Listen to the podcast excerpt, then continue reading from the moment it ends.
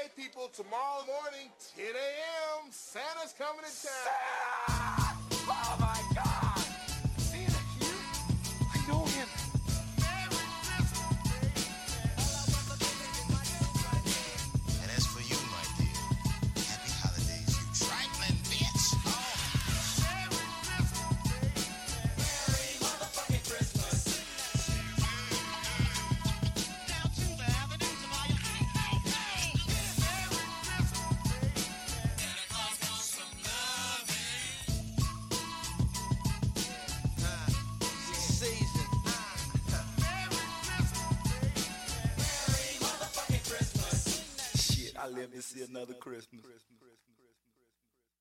Ja, da kan jeg ønske velkommen til Klagemuren.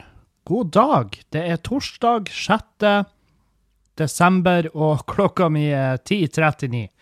10.39 der, altså. Um, og eh, jeg sitter og nyter en eh, kopp kaffe, gjør jeg. Mm, ja, da kan du skjønne, Han hadde vel laga seg kaffe åt podkasten. Mm.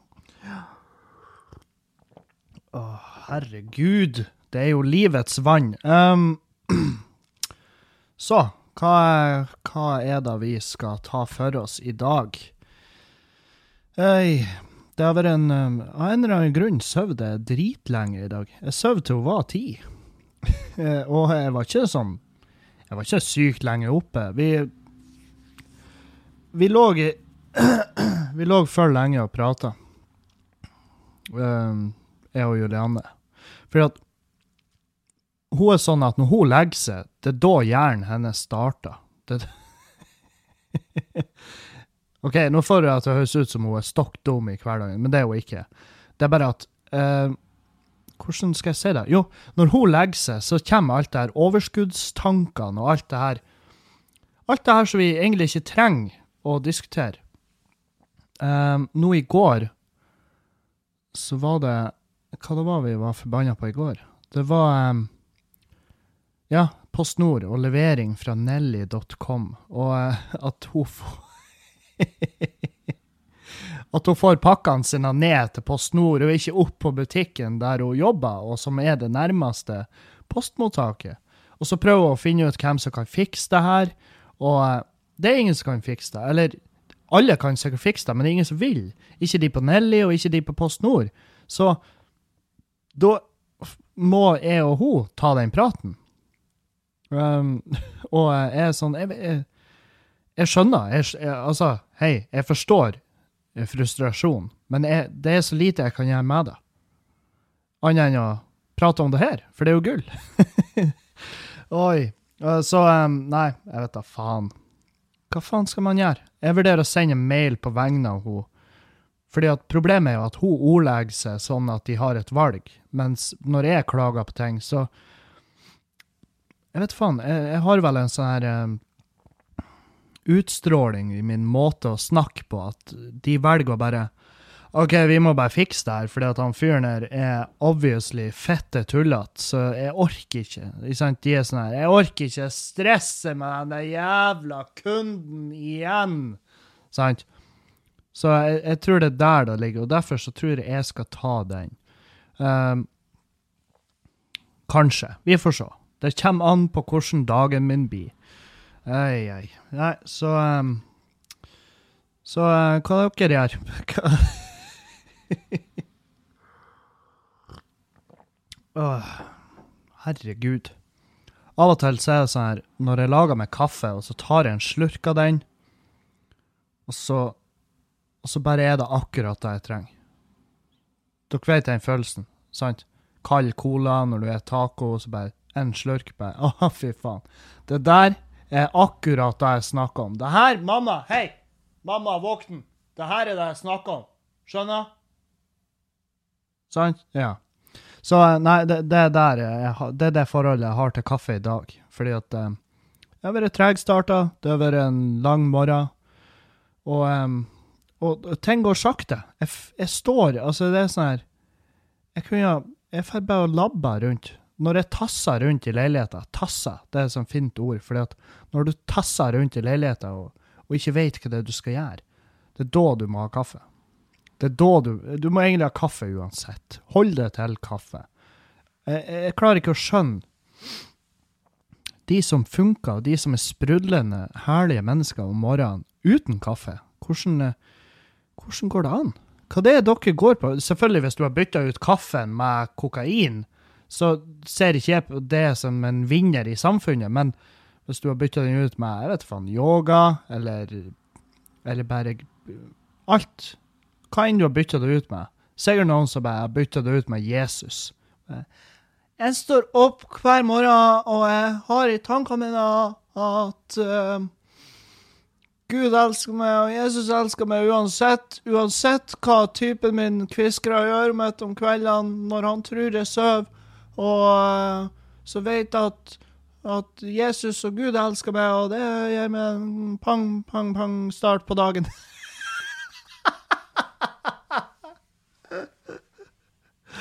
Det må være så deilig. Det må være så deilig å være så fette gæren at, eh, at det er det som skal til. Og bare vandrer nedover gata bare I got Jesus. Whoo, you need Jesus. Yeah, I can see that. I can tell it on your face.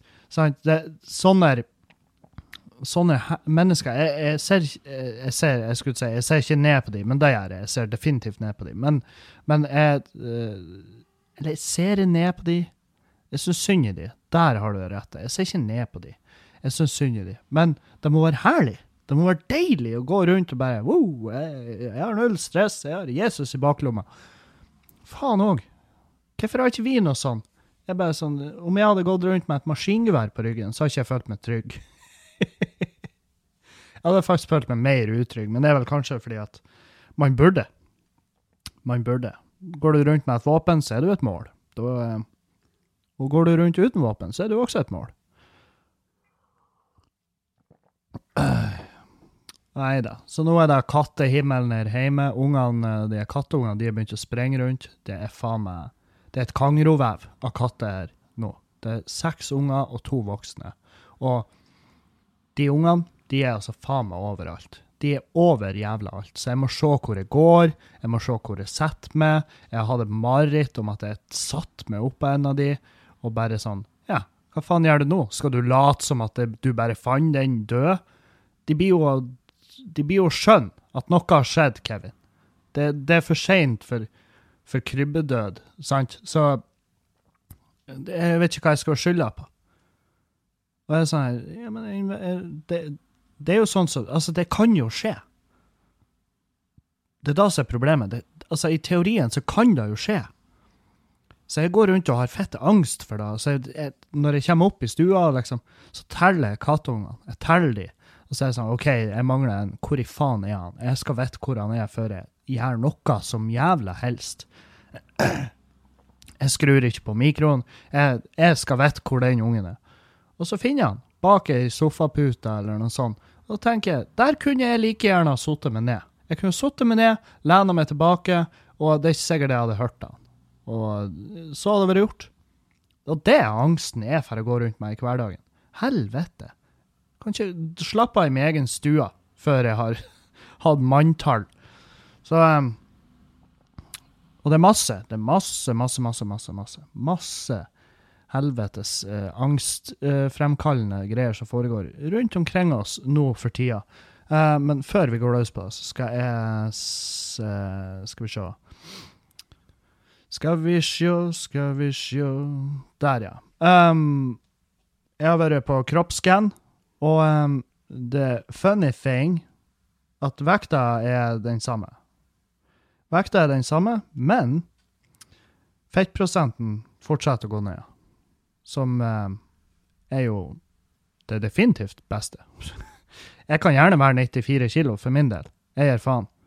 Men jeg skal ikke ha alt det fettet. Så nå, fettprosenten min nå er 26 og, eh, og, og, og den var på første veiing Skal vi se der. Den var 34,2. Så den fortsetter å gå ned. Nest, straks 10% ned i kroppsfett, og det, det er dritbra. Det er snak, vi snakker Vi snakka en del kilo. Vi snakka masse, masse, masse fett. Så altså, fettmassen når jeg første veiing, den var på 38,5 kilo. Og fettmassen i dag, i dag er 25,1 kilo. Så jeg har gått ned Jeg har gått ned i rent fett over ti pakker med store pakker med melange. Rent jævla. Altså ti store to, Ti store Over ti store pakker med smult har bare datt av kroppen, og det er så fette digg. Og jeg setter meg ned og knyter sko som om det var ingenting.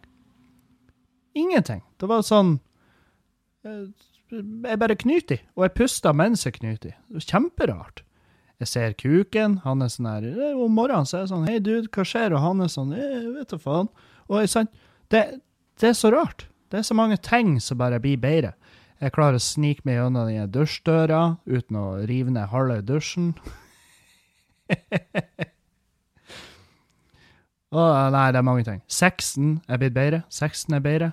Den eh, Det foregår Altså, det Det er mer stamina, og det er mer eh, Mindre Hva, hva man skal kalle det? Mindre ting i veien. Mindre cushion for the pushen, sant?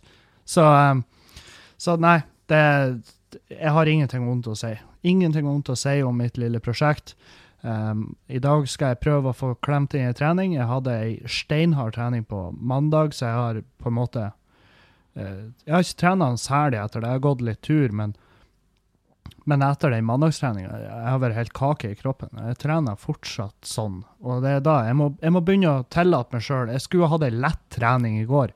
Jeg må tillate meg sjøl å ha treninger som ikke er hvor du tar det helt fette ut. For det er da du ender opp med at du blir eh, At du ta, bruker for mye av den feil type energi, du blir utmatta, og til slutt så bare utsetter du treningen. Sånn som jeg gjør akkurat nå. Så i dag må jeg få klemt inn ei lett trening. Det er alt jeg trenger. Ei lett jævla trening. Gå ut i sørpa, Kevin. Få med deg bagen, gå ut, tren.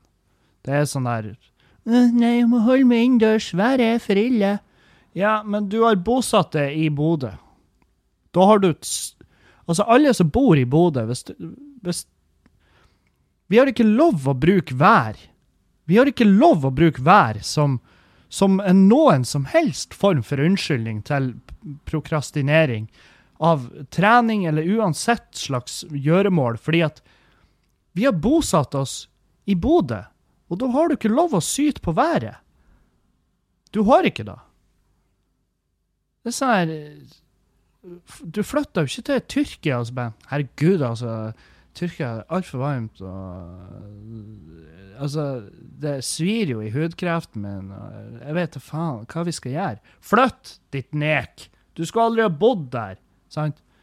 Så det, det går ikke an. Du kan ikke bo i Bodø og skylde på været. Det er sånn her Flytta du inn i lag med en ekskriminell som har sittet inne for å banke folk siden han var liten gutt, og så får du juling i forholdet, og så bare 'Jeg skjønner ingenting, han sa jo han var glad i meg'. Ja, han er jo glad i det, men han har jo et fuckings behov for å banke opp folk.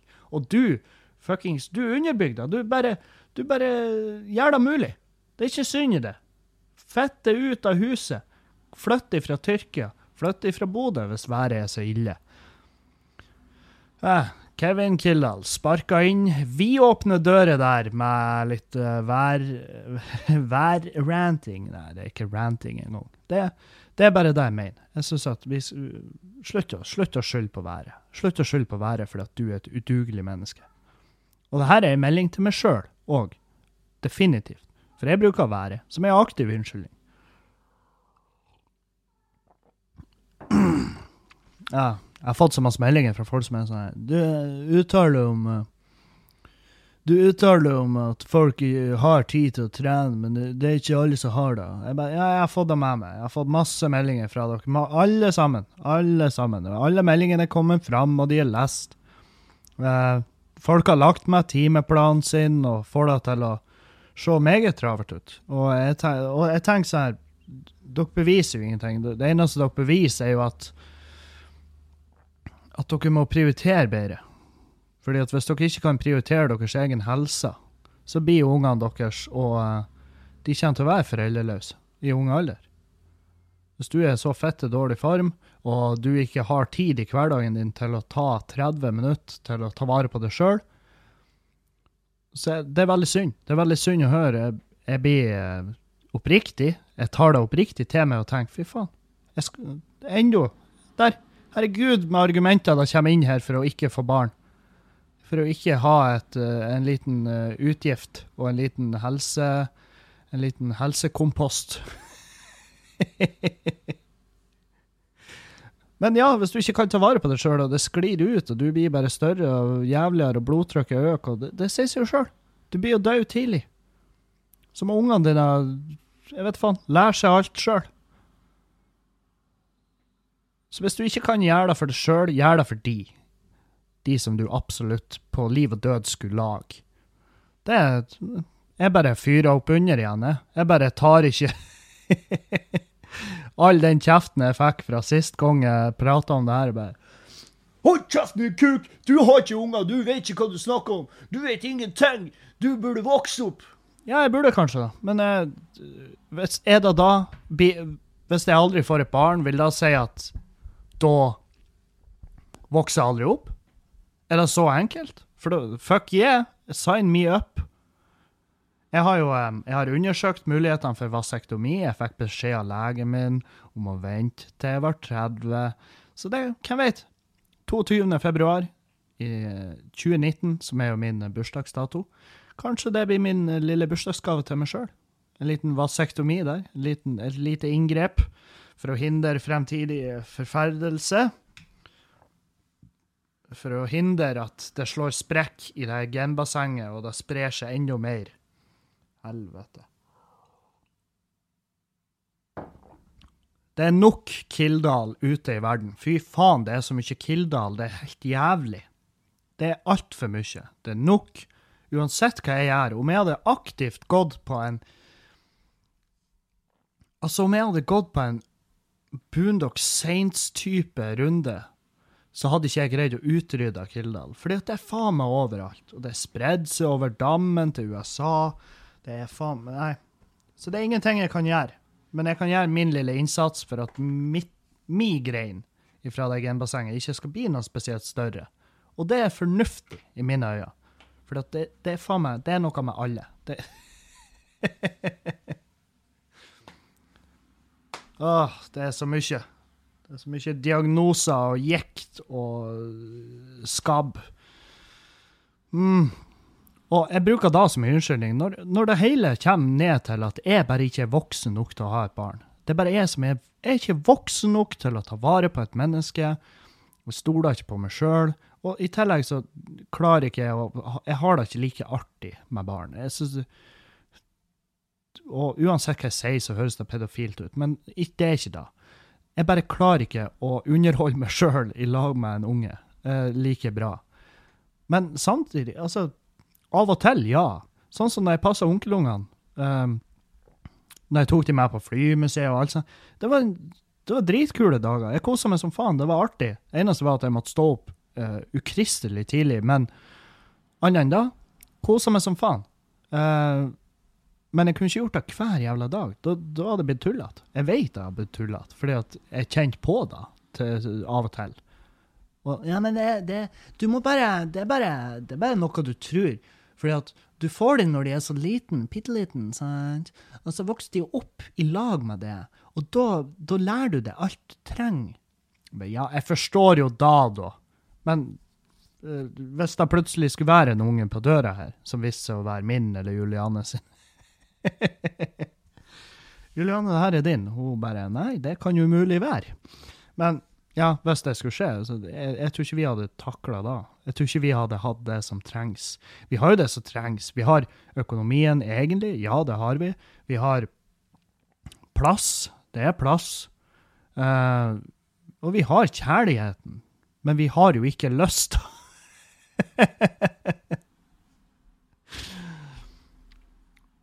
Jeg håper, altså om, om, la oss si om ti år, så er den podcasten her, det, det, er altså, det er altså et ekstremt nisjeprodukt for de, som, for de som ikke har barn. De som er gamle og ikke vil ha barn.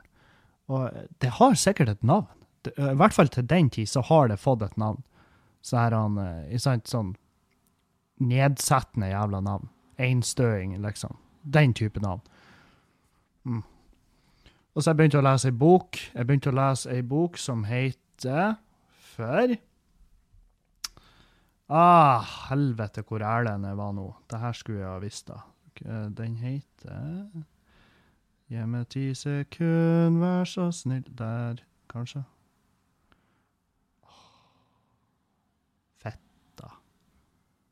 Det heter jo ikke da, da. Der har du den. Den heter Kunstig intelligens, den usynlige revolusjonen. Per Christian Bjørkeng som har skrevet. Um,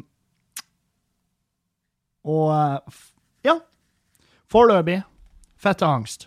Ko- Sykt angst for hvor vi er på turen. Og boka tar for seg masse Altså, den For det første så forklarer den grunnpilarene i, i kunstig intelligens. De forskjellige typene, hvordan det, hvordan det går an, og hvor det finnes i dag. Fordi at vi har jo eh, vi har jo kunstig intelligens overalt rundt oss. Det, det har vi. Det, Google, uh, Facebook, Amazon Alle de her svære konglomeratene bruker jo kunstig intelligens. uh, I søkemotorer, i annonser, i musikk. I alt. I absolutt alt er det tatt i bruk. Så for de som sier at «Øh, kunstig intelligens finnes ikke ennå, og det blir å ta kjempelang tid. Nei, det finnes det, det folk gjerne tenker på, er generell kunstig intelligens. Altså kunstig Ja. Og det er jo um, Altså, det er jo eh, Når du får en kunstig intelligens som er så brei, så vidspektra, at den kan løse alle oppgaver like bra som et menneske, da har du en generell kunstig intelligens. Og det er ennå ei stund til. Eh, Noen forskere sier 200 år, noen sier 10 år. Jeg håper det er 200 år, sånn at jeg slipper å være med på det. For jeg tror det blir å fuckings Det blir å ødelegge hele dagen min. Altså, og, og uka som følger. For jeg Greia med kunstig intelligens og det som er Nå blir det jo regulert. Det blir jo regulert av FN, heldigvis. Der er noen etiske Der er noen etiske grunnlinjer der, og det, det må jo reguleres, fordi at eh, det er gærne forskere der ute som de bryr seg ikke. De gir seg faen. De vil bare oppnå målet, og de vil være han fyren som gjorde det, eller hun kjerringa. Slapp av, dere er glupe, dere òg. Og Men de vil nå det jævla målet. Ja, og de vil nå det målet uten å Uten at de bryr seg sant? hva konsekvensene kan være for verden, det det innebærer, hva det bringer med seg. Um, og det er jo da den boka her går ut på. Den skal forklare grunnleggende hvordan det funker, hvor de er kommet, og hvor de er på tur igjen med forskninga, um, og konsekvensene. Og det er de eh, som er fuckings uh, Jeg tipper det kapitlet. Det er da, da blir det snakk om. Da, da uh, blir det podcaster med aluminiumspoliehatt og Altså, vi har så jævla Det er, det er da som er, ikke sant For uh,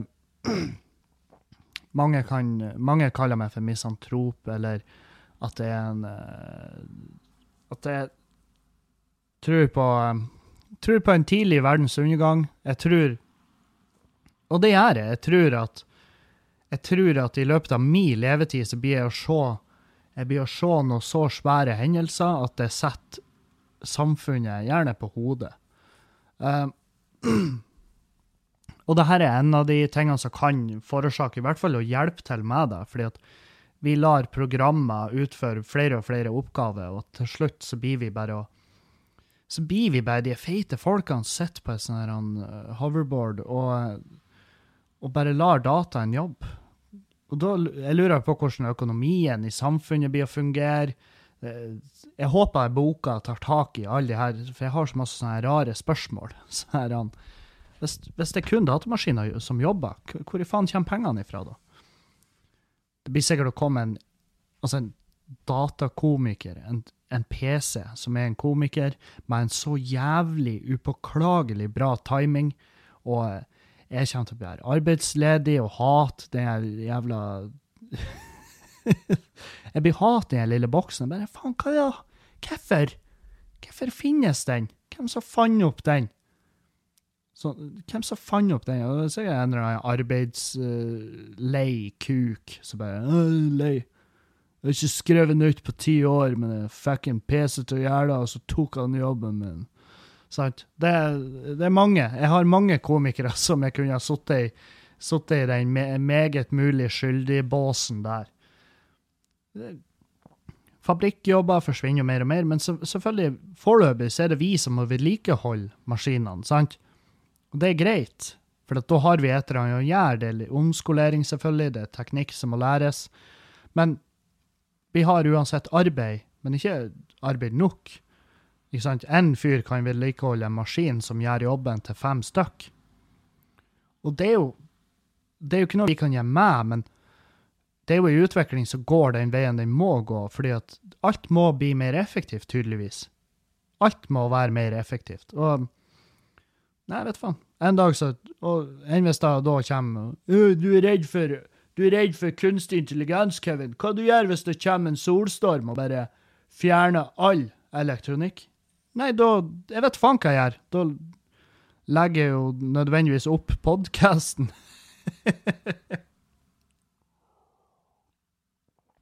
da må jeg jo uploade den eh, til nærmeste busskur. I skriftlig form, sant? Um, nei, det er mye der. Det, det er mange muligheter. Det er mange muligheter, det er mange måter denne verden skal få juling. Eh, og jeg gleder meg til å si jeg tok feil.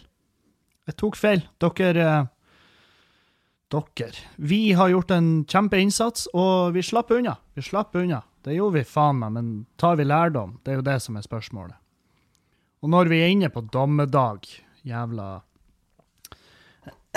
Så fikk vi en liten greie i posten i går. Fra Direktoratet for samfunnssikkerhet og beredskap. Så er det et bilde på fremsida av flaske vann, masse boksmat, noe sånn pillekrus. Nøtter, ved, gass, en radio og eh, førstehjelpsskrin og et telys. Står det 'Du er en del av Norges beredskap. Råd om egenberedskap'. Råd om egenberedskap. Mm. Verdens tryggeste og likevel sårbar. Vi lever i et samfunn og stab... Nei, helvete. Sorry. Jeg var aldri flink til det her. Høytlesing på skolen, det sugde ræv. Um, vi lever i et trygt og stabilt samfunn der vi er vant til at det meste fungerer som det skal. Livet i Norge er imidlertid helt avhengig av alt av blant annet strøm, vann og internett. Og nettopp det er vår største sårbarhet. Uvær, naturhendelser, sabotasje, tekniske problemer, terror eller krigshandlinger kan føre til at mange mister f.eks. strøm eller vann, og det kan bli vanskeligere å få tak i nødvendige varer. Når samfunnet rammes av en stor hendelse eller krise, er det mange som trenger hjelp. Hvis flere, av oss er i stand til å ta vare på oss selv og de rundt oss ved en hendelse, kan hjelpen settes inn der behovet er størst. På den måten er du en del av Norges beredskap. Derfor ber vi alle husstander i Norge om å ta noen enkle grep for å bedre sin beredskap. Hæ? I dette heftet går vi gjennom de grunnleggende tingene du bør ha tenkt igjennom, og konkrete eksempler på hvordan du, klarer, du kan klare deg selv i minst tre dager ved en hendelse. Les mer på sikkerhverdag.no og på din kommunes hjemmeside. Og så har de laget ei handleliste til meg. Ni liter vann per person. To pakker knekkebrød per person. En pakke havregryn per person. Tre bokser middagshermetikk, eller tre poser tørrmat per person. Tre bokser pålegg med lang holdbarhet per person. Noen poser tørka frukt eller nøtter, kjeks og sjokolade. Medisiner du er avhengig av. Ved, gass eller parafinovn til oppvarming. Grill eller kokeapparat som går på gass. Stearinlys, lommelykt med batterier, parafinlampe. Fyrstikker eller lighter. Varme klær, pledd og sovepose. Førstehjelpspakke. batteridrevet DAB-radio, batterier, batteribank og mobillader til bilen, våtservietter, desinfeksjonsmiddel, tørke og toalettpapir, litt kontanter, ekstra drivstoff ved gass, parafin, rødsprit til oppvarming og matlaging. Og så den nydeligste til slutt. Jod-tabletter ved atomhendelser. Å, helvete. Her og her, altså det er jo Det er jo doomsday prepping, sant? Det er jo det det går ut på. Du må ha alt det her, fordi Og, og hvorfor får vi det nå? Det er det jeg tenker. Hvorfor får jeg det her nå? Hva er det som skjer i kulissene som gjør at jeg får det her nå? Det, det, det, det er min automatiske tanke. Det at, det at vi er på Uten at vi vet det, så er vi straks Altså, vi står på randen av en, eh, av en atomkonflikt. Jod-tabletter. Jeg elsker at de hadde sittet da sist. Jod-tabletter ved atomhendelser. Ja. Ja, ja. Takk Gud for at vi hadde jod når jeg sto og stirra inn i og ble sveiseblind.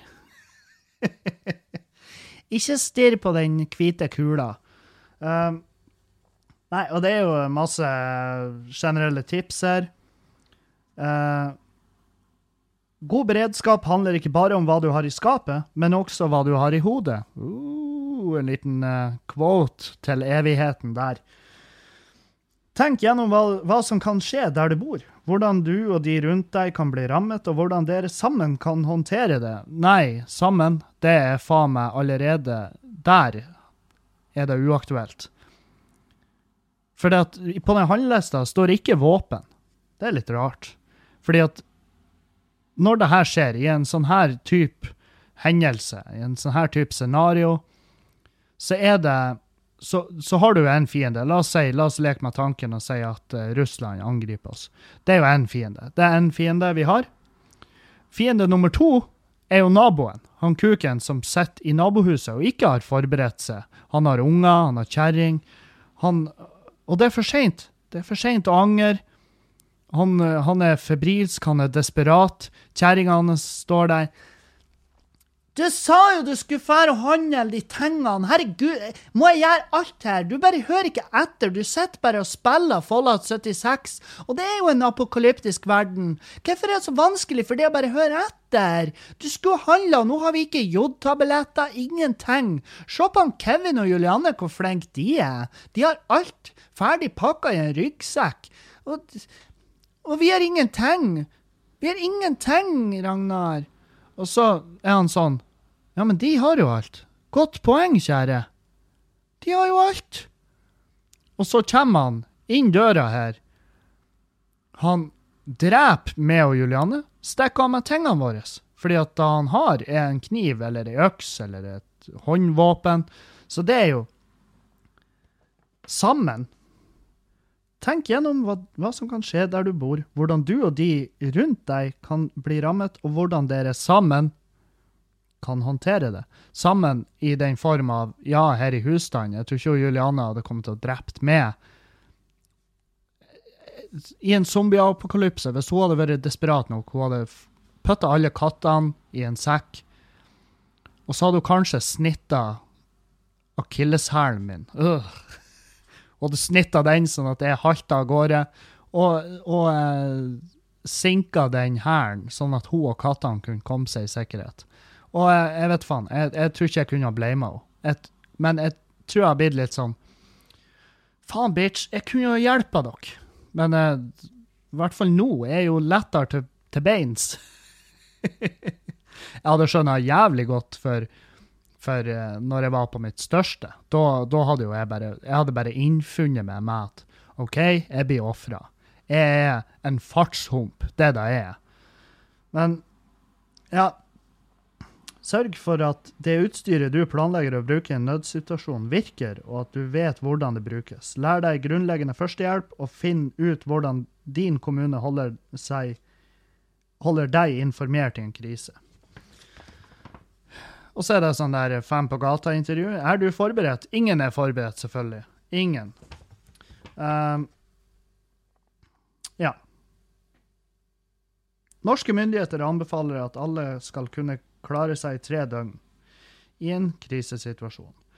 Uh, det er Faen òg, altså. Jeg, jeg, jeg, jeg fikk skikkelig angst nå når jeg bladde gjennom den her. Hvorfor? Det er da jeg tenker. Jeg tenker at etter annet foregår, men det gjør jo ikke det. Men det her er sånn, sånn fungerer hjernen min. Hvorfor får vi det her nå?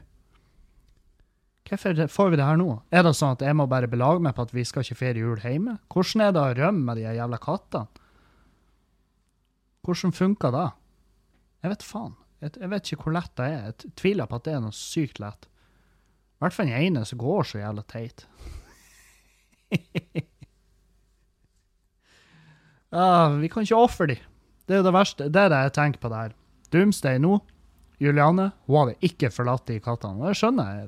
Skjønner jeg kjempegodt. Og jeg, jeg hadde ikke vært behagelig med å gjøre det sjøl. Men hvordan frakter man de i en nødsituasjon? Kommer vi oss inn i det fjellhallen?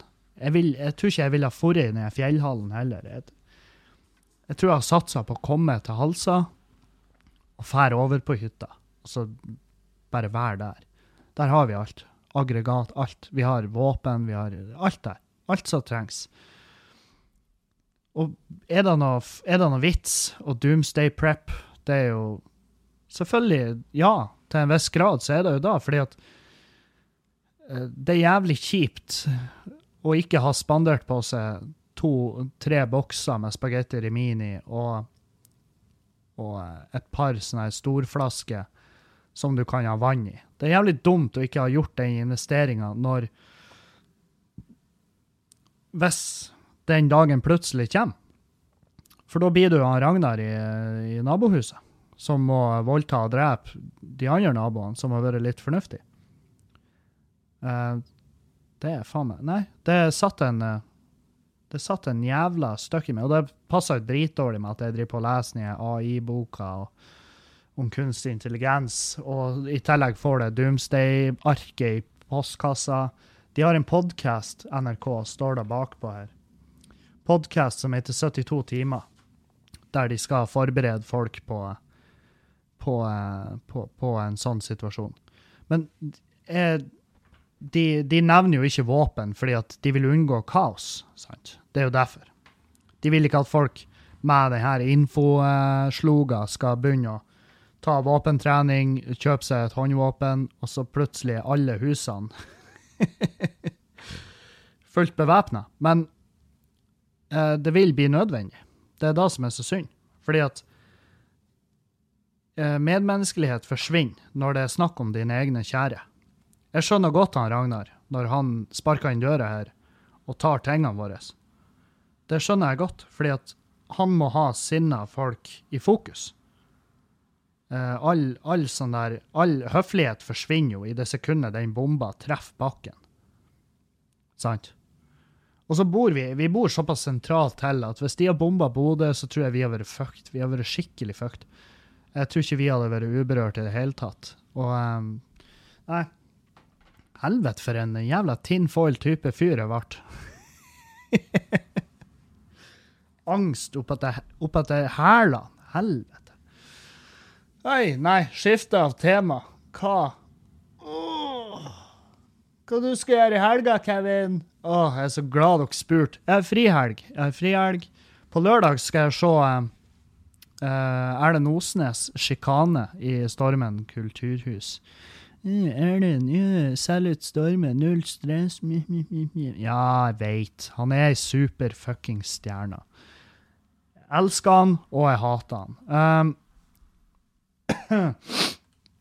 Nei, så jeg skal for å se Sjikane. Jeg har jo sett eh, alle Jeg har jo sett masse sånn testshow. Jeg har sett hvordan Jeg tror ikke jeg blir sånn sykt overraska over hvilke biter som er med, for jeg har sett de før, men, men det blir artig å se den, den eh, sammen Altså den store, store eh, sammenlimte forestillinga. Det, det gleder jeg meg til å se. Så det blir kos. Det blir i lag med eh, venner. Venner. Ikke Julianne, hun har julebord samme kvelden, og de skal fære og se Sjikane. Men jeg tror de skal på ei forestilling etter oss, eller noe sånt. her. Og, så i hvert fall Det blir noe. Det blir noe det det blir. Det blir kos. Det blir eh, Jeg skal ha med meg han Tord Tord June Kvikstad, som er en komiker i uh, Standup Bodø, som eh, Ja, en, eh, en struggling comedian. Uh, sist han opptredde, så var det noen som prøvde å ta livet av seg på dass etterpå. Og det er så sykt å flire av det. Men, eh, men eh, han tok det jo selvfølgelig på si kappe. Han sendte meg en snap og bare du, bra, bra show i kveld. Noen prøvde å drepe seg på dass etterpå. Og da var det sånn Å, helvete. Hva er det slags Du, du må slutte med crowdworkinga di.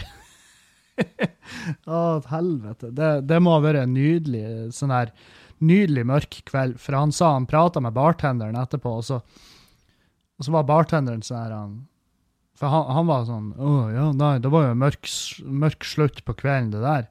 Og bartenderen bare flira bort og så bare Jeg skal faen meg begynne å selge tau i baren. Det er mindre gris. Fordi at det der skjer tydeligvis oftere enn man skulle tro. På uteplasser? Hvem som gjør det der? Og hvorfor gjør folk det? Det er jo det som er det, det, Nå før jul, det, det er jo opptrapping i, i sånne her tragiske, forferdelige hendelser. Folk som prøver eller lykkes i å ta sitt eget liv. Og det er nå i, i rundt høytiden.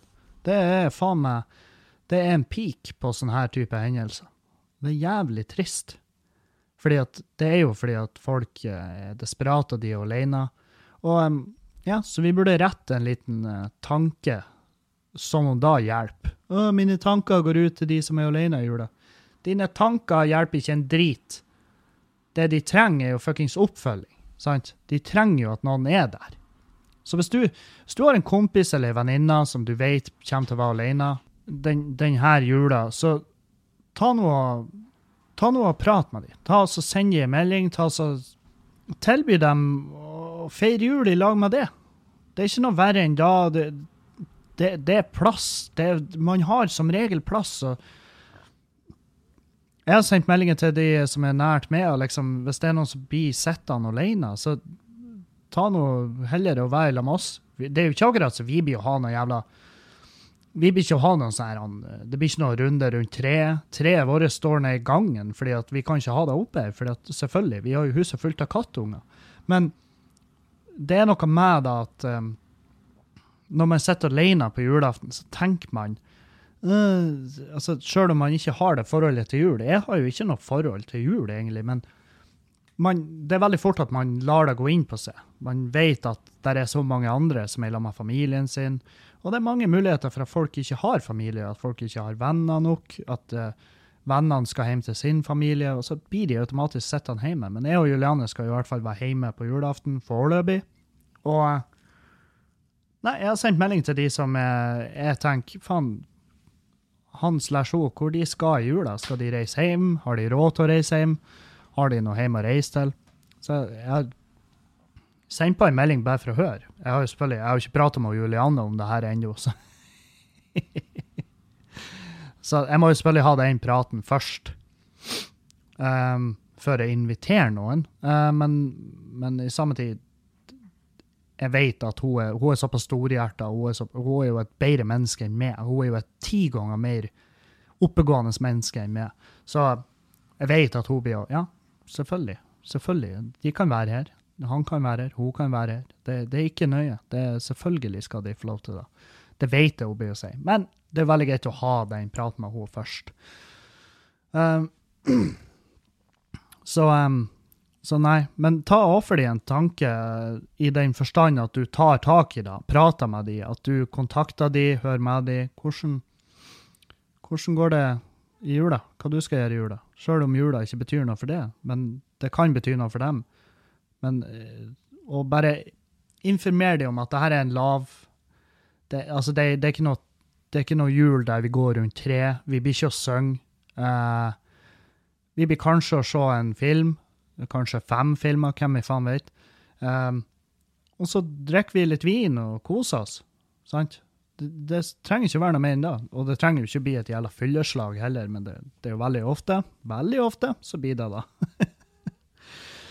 Nei, så um, Så der har vi eh, Det er planene mine for jula. Det er jo jeg og Erlend vi var sånn Faen, skulle gjort noe frivilligarbeid? Liksom suppekjøkken, liksom den type arbeid. Men problemet er at Og jeg sa til Erlend Tror du hvis jeg og du hadde stilt oss og hjelpa til noen plass i jula, tror du ikke det hadde blitt Tror du ikke avisene hadde sett sitt snitt og gjøre en sak på det? Og han var sånn Jo, det er jo helt sant. Fordi at det, om jeg hadde vært med på det, noe jeg gjerne har, jeg har gjerne vært med på det, men det, det, hadde, ikke, det hadde ikke vært for PR-en. Det hadde vært for min egen del, for å fylle, på min karmakonto, sant? Og, og eh, ikke for, ikke for eh, overskrifter, for det, det er så jævlig billig måte å fremme seg sjøl. Hvis man Hei! eh, Sender melding til Bodø nå eller Avisa Nordland med Hei, du! Jeg skulle bare si at i dag kommer jeg til å være der nede på, og hjelpe til på Bymisjonen eller uansett. Bare så dere vet det. Og da er det sånn jeg, jeg skulle ønske avisene da bare var sånn OK, bra for det. Hvorfor eh, Hvorfor i faen sender du melding til oss? Og for alt jeg vet, så hadde de jo kommet til å svare da. Og hvis de hadde svart da, det hadde vært fette nydelig. Det hadde vært det beste noensinne. Så um, Så nei. Skulle jeg gjort det, så hadde jeg vært på det bak... Altså med den Med det kravet om at det skulle ikke vært noe jævla PR, noe avisdrit rundt det. Det orker jeg ikke. For, da, da frem, for man fremstår ikke som et bra menneske da. Man fremstår som et jævlig menneske som er sånn her Ja, her er han. Kevin og står og auser suppa. Legger opp pinnekjøtt til eh, de som ikke har. Og hva du mener om det her, Kevin? Jeg mener det her er dritbra, alle burde gjøre det. Kjøp billetter til Skamløs høsten 2019. Ikke sant? Dere skjønner, det, det er ikke noen måte Man fremstår bare som et jævlig menneske, oppi det at man faktisk prøver å være et bedre menneske.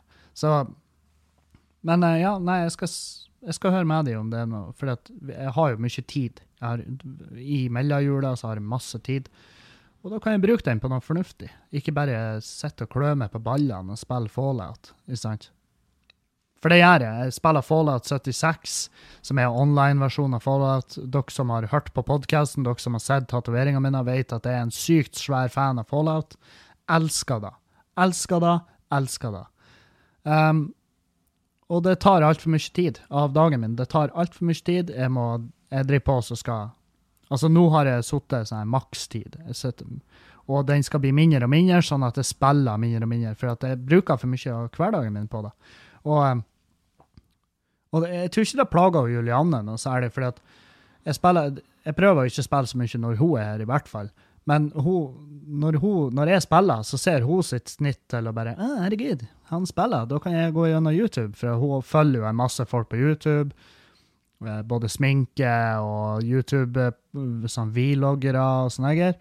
Som jeg ikke synes er litt artig engang. Så hun ser da mens at jeg spiller. Og det samme når hun ser uh, Unge lovende og masse sånne greier som jeg ikke følger med på. Fordi at jeg, jeg vet faen, jeg, det, jeg er ikke noe flink på det. Jeg, eller flink og flink. Det er bare ikke for meg. Det er det som er. Det er jo en jævlig bra serie. Det Jobben og Siri Seljeseth har gjort der, er jo helt fantastisk. Men det er ikke for meg. Og, og jeg tror ikke hun hadde jeg tror ikke hun hadde blitt overraska om jeg sa det, at det, det er ikke helt min kopp te. Og så Eller nå i dag så vet jo sikkert ikke hun hvem jeg er. Altså, vi har jo jobba i lag før, og vi har gjort flere gigger i lag og hengt i lag, drukket i lag. Men eh, jeg vet faen. Det er ikke sikkert hun husker meg engang. Noen de kommer til det punktet hvor de blir bare så svære at Og så ser jeg sånn her, når du møter igjen, så er det sånn Ja, OK, hei. OK. Der er du, ja. Hva var det du het igjen? Helvete! Faen! Det funka for hersketeknikken din. Godt jobba. Jeg, vet ikke. Det er lenge siden jeg har sett henne, Siri. Neste gang jeg er i Oslo, hvis jeg møter henne, skal, skal jeg gå til henne sånn Hei, husker du meg? Jeg tipper det er jævlig mange komikere som går til henne for å få en rolle i denne serien. For jeg, jeg, har jeg har fått med meg hun Juliane skvetter jo til når hun ser komikere der som vi har hatt her i Bodø. Det syns hun er jævla artig. Se, det er han! Det er han! Det er han! Ikke sant? Um, Jeg tror ikke jeg kunne gjort noen rolle der. Jeg tror ikke jeg kunne gjort noen bra rolle, i hvert fall. Jeg tror jeg hadde skjemt meg ut. Jeg er ikke noe sånn skuespill. Jeg, jeg tror ikke jeg hadde orka. Det, det er mye arbeid for lite. Altså, det er veldig, veldig få i Norge som, som gjør det så fette bra som skuespiller at de, at de storlever på det, sant? Og det er mye arbeid. Det er djevelsk mye arbeid å spille inn. Altså, jeg brukte Hva var? Jeg, jeg var med i en kortfilm. Jeg tror jeg var på, på skjermen i sju minutter, noe sånt. Og vi brukte en hel jævla dag. Jeg tror vi brukte imellom åtte og tolv timer på å spille inn det der. Og det, jeg var så sliten jeg kom i. Jeg var helt most. Jeg var helt knekt. Så, em, så det, er, det er mye mer arbeid enn man skulle tro. Ja, nei, skal vi ta noen spørsmål på tampen av eh, tirsdagen? Tirsdag, torsdag, torsdag, torsdag! Uh, Hei, tenk på når du snakker om at det verste du vet er å prate med folk på telefon. Har du noen gang prøvd flere ganger, men må, bare måtte gi faen? Grattis med å legge fleske på hylla, by the way. Og så spurte jeg, jeg skjønner ikke helt hva du mener. Hva du mener. Og han bare, prøv å ringe, altså prøv å ringe eksempel, hvor du ikke vet hvordan man åpner samtalen, og så bare går det til helvete, sant? Ja, det har jeg prøvd mange ganger. Uh, og hvor jeg endte opp med å bare gi faen, og bare, jeg klarer ikke. Og den hoved, hovedantallet, altså hovedgreia med det er at jeg er dårlig på å prate i telefon. Jeg er skikkelig dårlig på det. Og jeg, får, jeg, jeg skal kombinere det her med, med noen meldinger jeg har fått. Uh, det er noen som er sånn her eh, 'Typen min dumpa meg over SMS. For en dritt.' Um, og så er det en fyr som Jeg vet ikke om det er samme fyren, men han skrev at han dumpa kjerringa over SMS. Uh, og så ringte han henne for å prate. Og hun ble sint fordi han gjorde det over SMS. Men uh, jeg har jo gjort det samme. Jeg har gjort eh, det samme. Har, en gang så har jeg avslutta et forhold eh, face to face. Og det, det var Det tok jævlig lang tid. Det var Og ikke da at uh, det tok så jævlig lang tid, men det var, det var psykisk tyngende for oss begge. For det tok så jævlig lang tid med, uh, med bargaining, sant? Altså, vi kjøpslo med hverandre, og det, det er ikke sånn det skal være. Så, og, em, og jeg har gjort det over SMS, og det er i mine øyne en helt OK måte å gjøre det på. fordi at jeg er mye flinkere å sette ord på hva jeg føler når jeg skriver det ned, enn når jeg sier det face to face eller over telefon. I hvert fall over telefon, for der ser du ikke motparten. Eh, du kan bli avbrutt, og eh, du blir avbrutt, og liksom Hvorfor? Ja, kan vi ikke jobbe? Ikke sant? Sånn. Men hvis du har bestemt deg for å avslutte et forhold, så har du jo gjort det. Og da er det bare dumt å prøve å fortsette, sant? Det er jo det. Så jeg, eh, jeg har gjort det over SMS, og så ringt. Og det, det er innafor i mine øyne. Altså, om jeg hadde blitt dumpa på SMS, ja, det hadde vært kjipt, men det er kjipt å bli dumpa. Det er jo det som er problemet. Folk innser ikke at du er ikke sint fordi at du ble dumpa over SMS, du er sint fordi at du ble dumpa. Det er derfor du er sint. Og selvfølgelig er du da, for det er dritkjipt å bli dumpa. Det er jævlig kjipt. Um, så, um, så jeg syns ikke, det- ikke det er utafor. Jeg syns ikke det er en eh, ikke godkjent måte å gjøre det på. For det er det. Det er, det er opp til hver enkelt hvordan de velger å, å ta det steget, men, men det viktigste er at man gjør det, at man sier fra og er klar over det. Og når du da gjør det på en SMS, så kan du skrive akkurat hele den linja, alt du gjerne ville ha sagt til de til fjeset, men du klarer ikke. Eh, eller over telefon, fordi at det er jo faen meg ren tortur. Eh, så kan du si alt. Du kan legge fram hele din case uten å bli avbrutt, uten å høre på kjøpslåing, uten å høre på eventuell kjefting. Og så kan dere prate etterpå. For det er det viktige. Der, det er der nøkkelen ligger. Hvis jeg, hvis jeg har gjort det over SMS, så har jeg etterpå prata der, For de må jo selvfølgelig få lov å prate, de òg. Motparten må jo selvfølgelig få lov å si hva de mener, og hva de føler, og hva de tenker. Um, men poenget er at du skal liksom få fram beskjeden din uten å bli avbrutt, uten å bli eh, overtalt til at OK, da ble det ikke sånn allikevel. Så um, nei. Um, det, det, er, det er den situasjonen der jeg har prøvd å prate i telefonen, men bare sånn Nei, jeg må bare gi faen. Uh, og ta det over mail, eller Eller jeg har ikke dumpa noen over mail. Det er veldig formelt. Dumpa noen over mail, og så får du med deg en lille signatur i bunnen. Med vennlig hilsen Kevin Kildahl, uh, bookingansvarlig i Standup Bodø. Det, det, det, det blir for dumt. Eh, OK. Hey man, love your stuff og alt det der, bla, bla, bla. Takk. Han har skrevet bla, bla, bla. Dette spørsmålet må være så fett anonymt, selv om det nå er en kompis som lurer. Hvis du på dette tidspunktet har lest opp navnet mitt, så ikke fortsett å lese opp. Det går fint. Men ja, han lurer på Han lurer særlig. Men ja, han lurer på hva du syns om at folk kommer stein på showet ditt. Du og Erlend sier dere ikke liker folk som kommer kjempefull på show. Hvordan tror du det hadde vært om noen hadde vært kjempestein der? Diskuter det gjerne i en crosspod... Ja, det var jo litt dumt. Um, men ja, jeg kan jo si at uh, for min del så er det faen. Hvis folk kommer stein på show, det, det går greit, fordi at um, Fordi at folk som er stein, de holder gjerne kjeft. Hvis de er kjempestein, så, så er de jo begravd i sitt eget hode, sant? Det er det som er.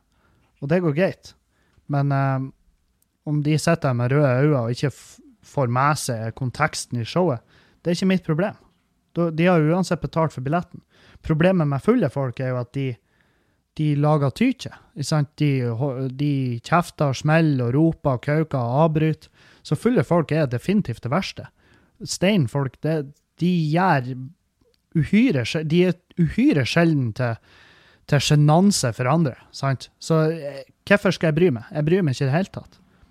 Men hvis du kommer altså Poenget er jo Hvis du kommer inn og lager hulumhei på minna show, så blir du hevet ut. Enten du er dritings, stein, eller om du bare er en, en pur fette idiot. Hvis du er bare idiot i hodet, så blir du hevet ut. Det er da som er poenget. Men grunnen til at jeg nevner fylla som en sånn typisk greie, er fordi at det er som regel så er de berusa. Og det eh, Vi har hevet ut folk fra show som jeg har sett øynene på og tenkt her er det amfetamin i, i bildet. Det er jo ikke rart. Amfetamin og kokain. Selvfølgelig er de verdensmestere. Um, så uh, moralen vil jo være at hvis du er, hvis du er en, et rævøl, hvis du er en drittsekk, så blir du hevet ut. Uansett uh, rusmidler eller Eller om du er bare en forferdelig personlighet. Om du bare er en dårlig person, så blir du hevet ut. Det, da, er det, da er det kveld. så, um, så lenge du oppfører deg, så kan du være stein, du kan være dritings, du kan faen meg være hva faen du vil, men jeg vil ikke anbefale f.eks. å ta sopp og komme på showet mitt, eh, eh, egentlig noen som helst show, for da tror jeg du blir Ja, da tror jeg du, tror du får en dårlig dag. Tror du får en dårlig tripp. OK. Hei, Kevin. Først og fremst vil jeg si at jeg elsker podkasten din, og at jeg egentlig ikke liker podkaster. Men din er veldig interessant å høre på. Men uansett, jeg har et problem til mandagens podkast, og det er jo um, Ja.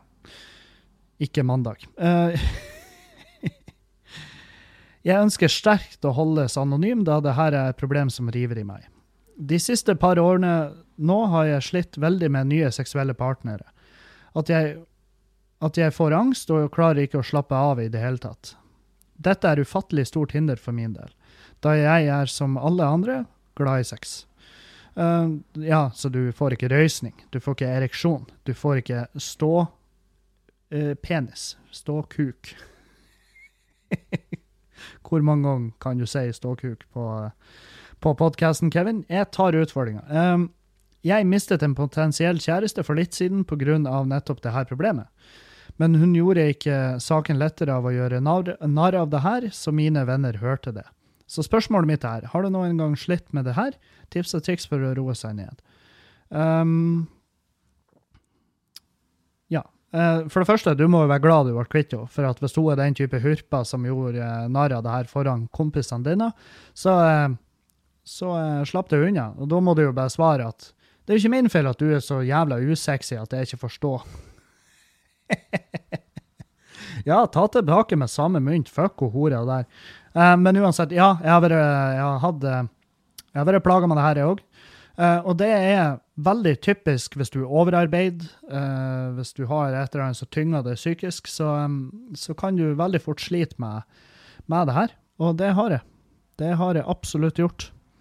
Så du må prøve å angripe problemet der det ligger og der det er. Jeg prata nylig med en kompis som uh, sa at han, sle, han sliter jo med det samme. Fordi at det begynner å bli seriøst med han og hun kjerringa som, eh, som han ligger med. Og, og det er fordi at uh, det begynner å bli seriøst. Det, det ligger jo der. Det er der ofte problemet ligger. Det at å helvete, nå er det her, det her er ekte. Hvordan skal jeg greie å prestere? Det er jo bare å prestere. Slapp av.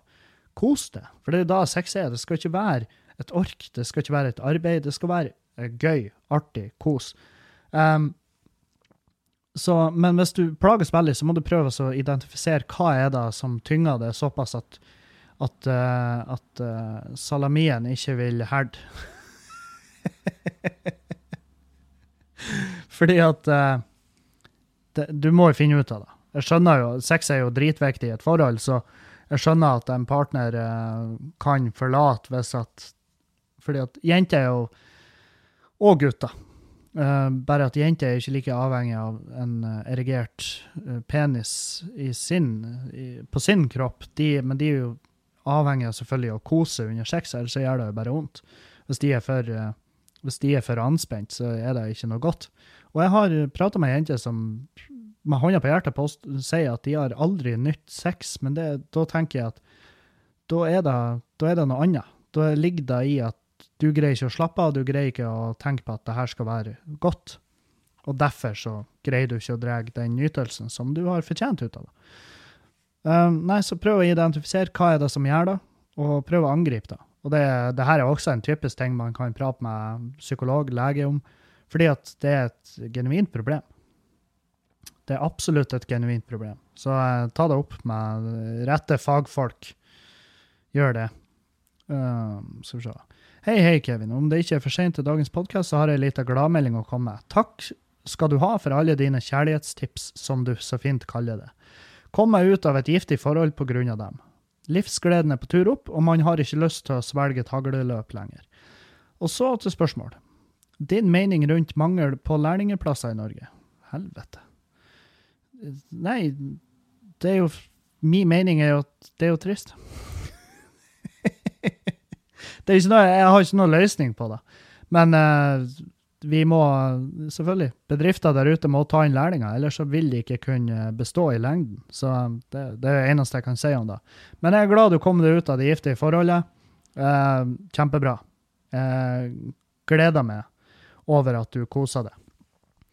Skal vi se. Anonym. Hei, jeg jobber som rørlegger og trives og tjener mer enn bra nok til livets opphold. Men likevel hender det ofte at jeg tenker på å bytte yrke. Er det noen for eller imot til å starte på nytt igjen? Blir det jo en tung oppstart med, på nytt med både lærlingelønn og lavere lønn, er det verdt det? Storartet podkast for øvrig, fulgt deg fra start. Hei, Anonym. Uh, ja. Uh, du er jo med det veiskillet som, uh, som vil avgjøre om det er verdt det. Fordi at hvis du har skikkelig lyst til å bytte jobb, så hadde ikke du kommet til å tenkt over det her med lønna og uh, um, og lavere lønn, fordi at du vil Altså, du må se på kostnaden. Sant? Du må se på den, den kroppslige og sjelelige kostnad. Hvordan vil det her gå utover det som person? Eh, vil du, vil du tape mer på å fortsette som rørlegger hvis du egentlig ikke har lyst til det? Og så vil du da kunne Uh, vil du da kunne rettferdiggjøre det overfor deg sjøl at du ikke tok det valget å bytte yrke og prøvde på noe annet? Du vil jo uansett ha uh, rørleggeryrket i, i bakhånd hvis du prøver noe annet. Så hvis det bare 'Å, faen, det her er ikke for meg, jeg blir ikke å greie det', osv., så, videre, og så, videre, så kan du gå tilbake til å være rørlegger. Så det burde være et enkelt valg. Hvis det ikke er et enkelt valg for deg å slutte, så er det kanskje ikke det du egentlig har lyst til. Det tenker jeg umiddelbart. Så så.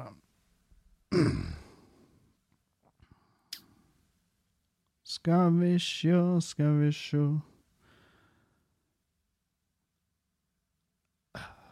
Hei, Kevin. Du tar jo en del fly og kjenner sikkert til disse plagene. Jeg er så lei av at folk som lener seg tilbake på flyet uten å spørre om, eller se om, bak om det kanskje sitter en svær gamp på N91 med lange skanker bak. Hæ? Dette er tilfeldigvis meg. Og dette skjer hver gang. Nå sist pikka jeg i han som gjorde dette, og det var jo selvfølgelig en sånn businessmann med blå skjorte og sånn håndveske med Mac i. Jeg sa jo ifra da, og så bare lagde han en slags lyd. Uh, kraftig irriterende, akkurat som om det var min feil. Også at folk skal være så fette vill når flyet lander. Herregud, ro ned. Og så selvfølgelig det du sa, om podcasten, så, sa på podkasten om priority boarding, som jeg ser på som en tapt sak. Mitt spørsmål er hva du syns om disse tingene. Uh, jo, altså, jeg sier jo Ta um, jeg sier jo ifra når folk lener tilbake i setet, for da treffer jeg jo knærne mine. Så sier jeg at unnskyld, det går ikke. Det er ikke mer plass, for det er faktisk et uh, Det er et menneske i klem her, sant? Så um, Så uh, Men folk hører jo som regel etter, og hvis det er et problem, så snakker du med flyvertinna, for de tar det. De, de, kan ta den konflikten for det. Og, um, og han blir å se på det og tenke at du er jævla kønt resten av flyturen, men hvem i helvete bryr seg? Det her er en person du ikke skal ha noe med å gjøre resten av livet ditt. Så ta flyet uten, uten noe stress. Og det, det, er ikke så lang flytur, sant? Så bare si ifra, klart og tydelig, og ta på deg headsetet og lat som du ikke hører dem hvis de mumler et eller annet. Ja. Videre. Skal vi se. Uh, anonym, viktig når det en av de det gjelder, hører på podkasten. Hei, Kevin, jeg går rett på sak. På starten av skoleåret så hadde jeg noen venner. Det var meg og tre andre. Vi hadde det bra i lag og var mye i lag. Men plutselig så begynner han ene å være ganske frekk mot meg. Siden jeg ikke er så rask i kjeften, så hadde jeg ikke noe å komme tilbake med. Når vi bytta klasserom, så fikk han de andre til å flytte seg til han, når de allerede hadde satt seg med meg. Han starta å ikke invitere meg til fester, kino og generelt alt. De begynte å sende bilder på Snapchat når de var i lag, og jeg begynte å føle at de ikke liker meg. Jeg ville liksom ikke tvinge meg på å være så påtrengende heller. Jeg, blir ganske trist når vi er i lag. Vi snakker ikke så mye lenger i friminuttene sånn. Hva skal jeg gjøre? Skal jeg trenge meg på? Skal jeg holde meg unna, eller skal jeg prøve å finne på noe å si tilbake? Hilsen gutt 15. PS, elsker podkasten. Vel, her er jo en typisk uh, utfrysning-greie. Um, hva faen skal man gjøre? Jeg, jeg kjenner igjen situasjonen. Jeg gjør det. Uh, umiddelbart tenker jeg det Tenker Gi faen. Gå uh, gi, gi, helvete i de. Finn noen andre å henge med. Uh, det, må, det må være andre muligheter. Finn noen andre å henge med. Fuck de der eh, folkene, og fucka han fyren. Grunnen til at han går løs på det, angriper det og fryser det ut, er fordi at du er den han føler seg mest trua av. Du er den som eh, konkurrerer om den alfa alfahann-plassen i gjengen, sant? Så du, eh, du er hans argeste konkurrent, og da er det naturlig for han å ta det ut. Og eh, du taper ikke. Det er det som er viktig at du tenker når du kutter ut det jævla gjenget der og finner noen andre å henge med, så taper du ikke. Det er han som har tapt. Og det høres rart ut, fordi at han, men han har jo fortsatt de vennene og alt det der. Ja, men det her er venner som er villige til å kutte ut det, fordi at han sier det. Så ergo, det er ikke folk du, du, trenger i livet ditt. Hvis du betyr såpass lite for dem, så betyr de såpass lite for det òg. Så bare fuck de, drit i det, kutt de ut. Finn noen andre å henge med. Det er plenty med folk der ute. Og følger du Tora, så finner du noen som er bra mennesker. Du er 15, du har hele jævla ungdomstida di foran deg, så du skal ikke la det her være det som definerer deg som person. Gå videre. Ja, det var Klara Klok svaret sitt, da. Um, Digga podkasten. Fortsett med det du gjør. Har et spørsmål. Ja, takk. Uh, du har fortalt om at du har vært involvert i narkotika. Hva som fikk deg til å prøve, og hva som fikk deg til å innse at du måtte slutte? Hilsen anonym. Nei, eh, det som fikk meg til å prøve, var jo Det var jo bare Hva det heter Nysgjerrighet. Ren nysgjerrighet. Hvordan funker det? Hvordan er det? Hvordan oppleves det? Um, det var, det var ren, skjær nysgjerrighet. Men jeg begynte jo jævlig seint, og det er jeg for så vidt glad for. For hvis jeg hadde begynt når jeg var ung, ungdom, liksom, så, um, så tror ikke jeg hadde vært like lett å komme seg ut av det. Tror ikke jeg. Uh, jeg fant jo ut at jeg måtte slutte når jeg, når jeg selvfølgelig overforbruka, og når jeg holdt Jeg overdosa jo. Jeg gjorde jo det. Um, og trengte assistanse for å holde meg i live. Sant? Uh, altså for å overleve. Så hadde ikke hadde ikke hun, eh, hun Bertha vært i det rommet, så har jeg mest sannsynlig vært død nå. Så det var jo den krasjen der som fikk meg til å innse at det måtte slutte. Og, um, og selvfølgelig familie og venner som til slutt innrømte innrømt for dem hva som foregikk, og de var sånn uh, Ja, bra du sier ifra. Kom hjem. Og det var det, var det som hjalp meg. Så jeg, har, jeg, jeg er fullt innforstått med hvor heldig jeg har vært, fordi at det er veldig få som kan så enkelt eh, gå videre. Det er veldig få som kan så enkelt gå videre. Så jeg vet at jeg har vært heldig, men eh, i hvert fall. Så, ja. Og det var faktisk alle spørsmålene vi hadde i dag, tror jeg. Jeg lurer på om jeg fikk inn et nå her mens mens, mens. Skal vi se.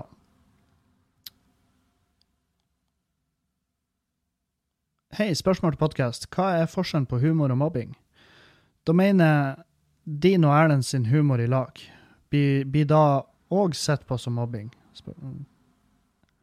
Jeg vet ikke. Nei, altså, forskjell på humor og mobbing er jo ofte Det er jo ofte um, en tynn linje der. Og jeg skal ikke begi meg ut på det her å definere mobbing, for det er ei fallgruve som er så jævlig jævlig lett å dette ned fordi at folk sliter. Altså at profesjonelle lærde strides om hva som er mobbing. Eh, men sånn som jeg og Erlend prater mot hverandre, det er vel kanskje da du sikter til, jeg er litt usikker. Men eh, så mobbing er jo, eh, for meg i hvert fall, for meg så er mobbing når en person jeg ikke har det forholdet til, prater sånn som han Erlend prater til meg. for så er han Erlend, vi roaster hverandre hele tida. Det er det vi gjør. Vi går løs på hverandre, vi roaster hverandre, og uh, det, det, er vår måte å si 'jeg er glad i deg, dude'. Du er en fin fyr.